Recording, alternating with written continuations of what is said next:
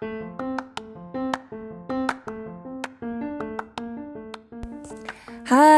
welcome to podcast Bunga Mega when we are talking about marriage and family. Episode kali ini saya ingin mengangkat mengenai temanya istri adalah penolong bukan perongrong. Jadi ibu-ibu merapat ya. Salah satu pemicu konflik dalam pernikahan yang menurut saya cukup besar dan sangat krusial adalah soal uang. Setuju nggak bu ibu? Izinkan saya cerita tentang pengalaman saya ya. Kebetulan saya dan suami kan sama-sama self employed ya, tidak ada terima gaji bulanan, project cari sendiri, kerjaan tuh cari sendiri. Jadi saya inget banget waktu di awal-awal menikah, ketika usaha suami saya waktu itu di production house, waktu itu agak uh, runyam ya, ada tampak buntu, kayak invoice mampet lah, projectnya lagi nggak terlalu banyak. Sementara tagihan listrik, Terus zaman itu kita kita masih tinggal di apartemen, jadi parkiran bayar, terus makan dan lain-lainnya tetap berjalan. Sebagai orang lulusan sarjana ekonomi, otak kalkulator saya sudah pastinya bergerak ya. Memprediksikan tabungan yang udah mulai menipis, lalu investasi masa depan agar bisa punya rumah, nggak ngontrak lagi, terus juga bisa siapin tabungan kalau suatu hari nanti hamil. Intinya semua kalkulasi yang saya buat itu meleset.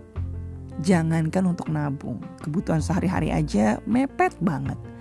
Ada nggak nih yang lagi dengerin podcast saya dalam posisi yang sama bahwa lagi mengalami kondisi kesulitan ekonomi atau project nggak berjalan dengan mulus, invoice-nya beku ya, mungkin kantor kliennya AC-nya terlalu dingin.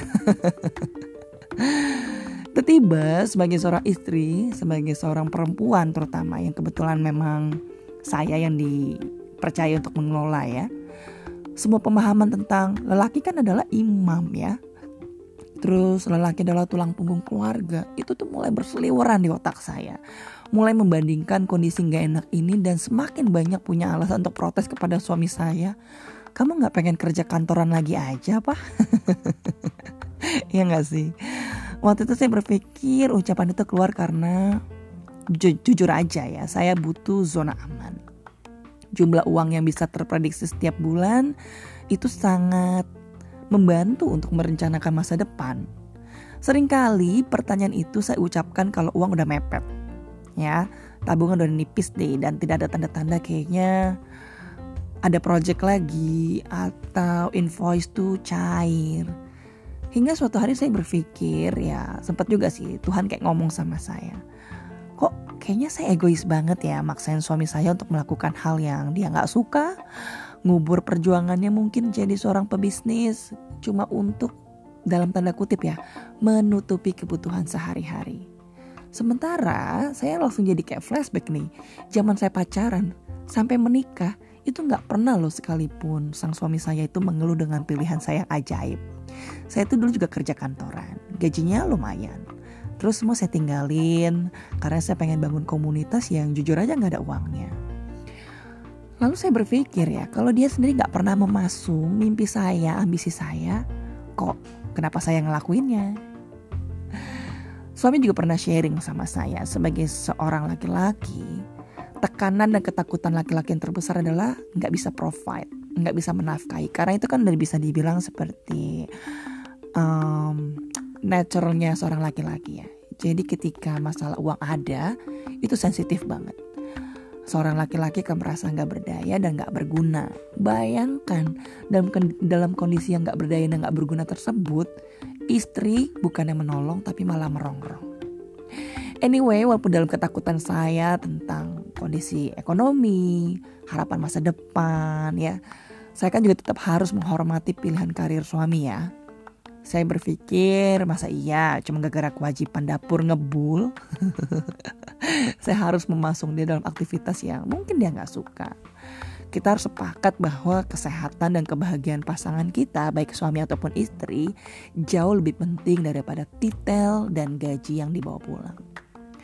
Beberapa kali kalau saya lagi ngobrol sama suami, kadang-kadang suami juga kerap memuji ya uhu uhu saya jadi GR berapa hal yang menurut dia dia cukup kagum sama saya. Katanya saya itu orang yang gak gengsian. Terus juga sebenarnya nggak pernah ngeluh nggak pernah ngerongrong secara ekonomi. Ngerongrong sih enggak ya tapi kalau muka asem pasti kelihatan sih. Saya sih jujur aja. Ya kadang saya berusaha untuk men, apa, menahan lidah saya untuk tidak mengeluarkan kata-kata yang tidak seharusnya tapi raut muka pasti kelihatannya namanya kepikiran ya aduh besok bayar pakai apa nih aduh ini tabungan udah mulai tipis nih apalagi sekarang punya anak jadi kalau ngomongin argo jalan terus tuh ya nggak bisa di stop tapi saya berpikir ya, ya kalau kita ada duit ya kita ketawa. Nggak ada duit juga ketawa aja. Habis mau diapain? Masa kita mau berantem? Emang kalau kita berantem, duitnya jatuh dari langit? Nggak juga kan ya? Tapi saya berpikir bahwa menjadi seorang istri yang nggak merongrong itu nggak cukup. Intinya jadi seorang stabilizer itu aja nggak cukup. Saya berpikir selama saya masih sehat, saya yakin saya punya bakat punya skill, punya talenta yang bisa dikembangkan. Hal itu saya rasa bisa membantu suami saya juga tetap waras, mengurangi kekhawatiran dan beban yang mungkin dia harus tanggung seorang diri. Oleh karena itu saya selalu berpikir berdaya aja lah untuk melakukan sesuatu. Kalau saya bisa nulis ya saya tulis di blog. Kalau saya hobi ngomong ya saya bikin aja nih podcast. Mungkin sekarang belum bisa dimonetize tapi who knows ya kan? Lalu saya juga suka menjadi MC ataupun jadi moderator dan I'm gonna back to work juga untuk bisa membantu perekonomian keluarga tentunya dengan hal-hal yang saya sukai.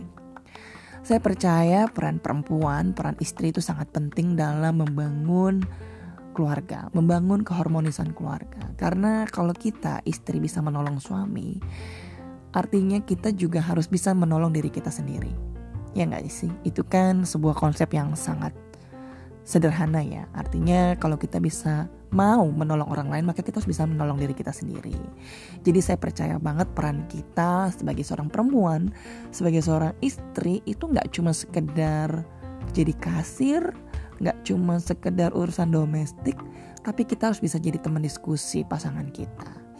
Nggak cuma sekedar duduk manja mungkin ya, atau ya sibuk dengan kehidupan sehari-hari tapi kita punya desain Tuhan yang unik juga.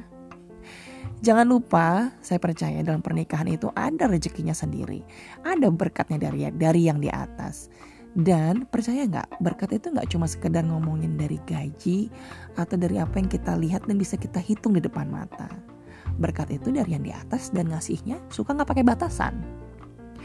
Anyway couples, perencanaan itu penting. Tapi kalau perencanaan yang matang dan dibuat berdasarkan rasa takut, rasa was-was akan masa depan yang sudah dijamin sama yang di atas, sehingga hal-hal yang ketakutan tersebut dan was-was tersebut akhirnya merusak keharmonisan dan komunikasi hubungan kita dengan pasangan, apakah tetap layak diperdebatkan. Tujuh tahun pernikahan kami itu menjadi sebuah refleksi ya bahwa ternyata dalam tujuh tahun ini walaupun perjuangan setiap harinya tapi kita bisa melihat hidup kita semakin progresif. Hari ini kami nggak ngontrak lagi sudah punya rumah. Dari nggak punya mobil kami bisa punya mobil. Dari kami belum punya anak bisa punya anak. Dan anak kami juga nggak lahir di rumah eh, nggak uh, lahir di dukun ya lahirnya di rumah sakit. Lalu juga puji Tuhan nggak pernah terlambat bayar cicilan sebisa mungkin juga nggak punya hutang hutang apa ya hutang konsumsi ya. Masih bisa jalan-jalan nggak kelaparan bahkan masih bisa namanya ya sehat bekerja membangun usaha yang baru itu semua kami percaya udah ada bagiannya.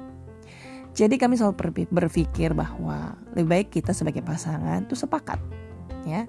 Sepakat dalam tindakan sepakat bahwa dalam setiap detik perjuangan kita itu nggak saling menyalahkan. Tapi percaya ada caranya Tuhan untuk memelihara sebuah pernikahan. Caranya Tuhan untuk memelihara sebuah keluarga. Jangan lupa untuk follow saya di Instagram at bunga underscore mega ataupun follow at cerita keluarga kami atau juga boleh nih ya eh, baca-baca tulisan saya di website www.bungamega.com untuk inspirasi harian seputar kehidupan pernikahan, keluarga dan juga pola asuh anak. Semoga podcast yang kurang dari 15 menit ini bisa menguatkan kita bersama-sama dan bisa membuat kita menjadi pribadi yang lebih baik sebagai seorang istri, sebagai seorang pasangan dalam membangun keluarga. Saya Bunga Mega, have great partnership in your lovely marriage. Bye.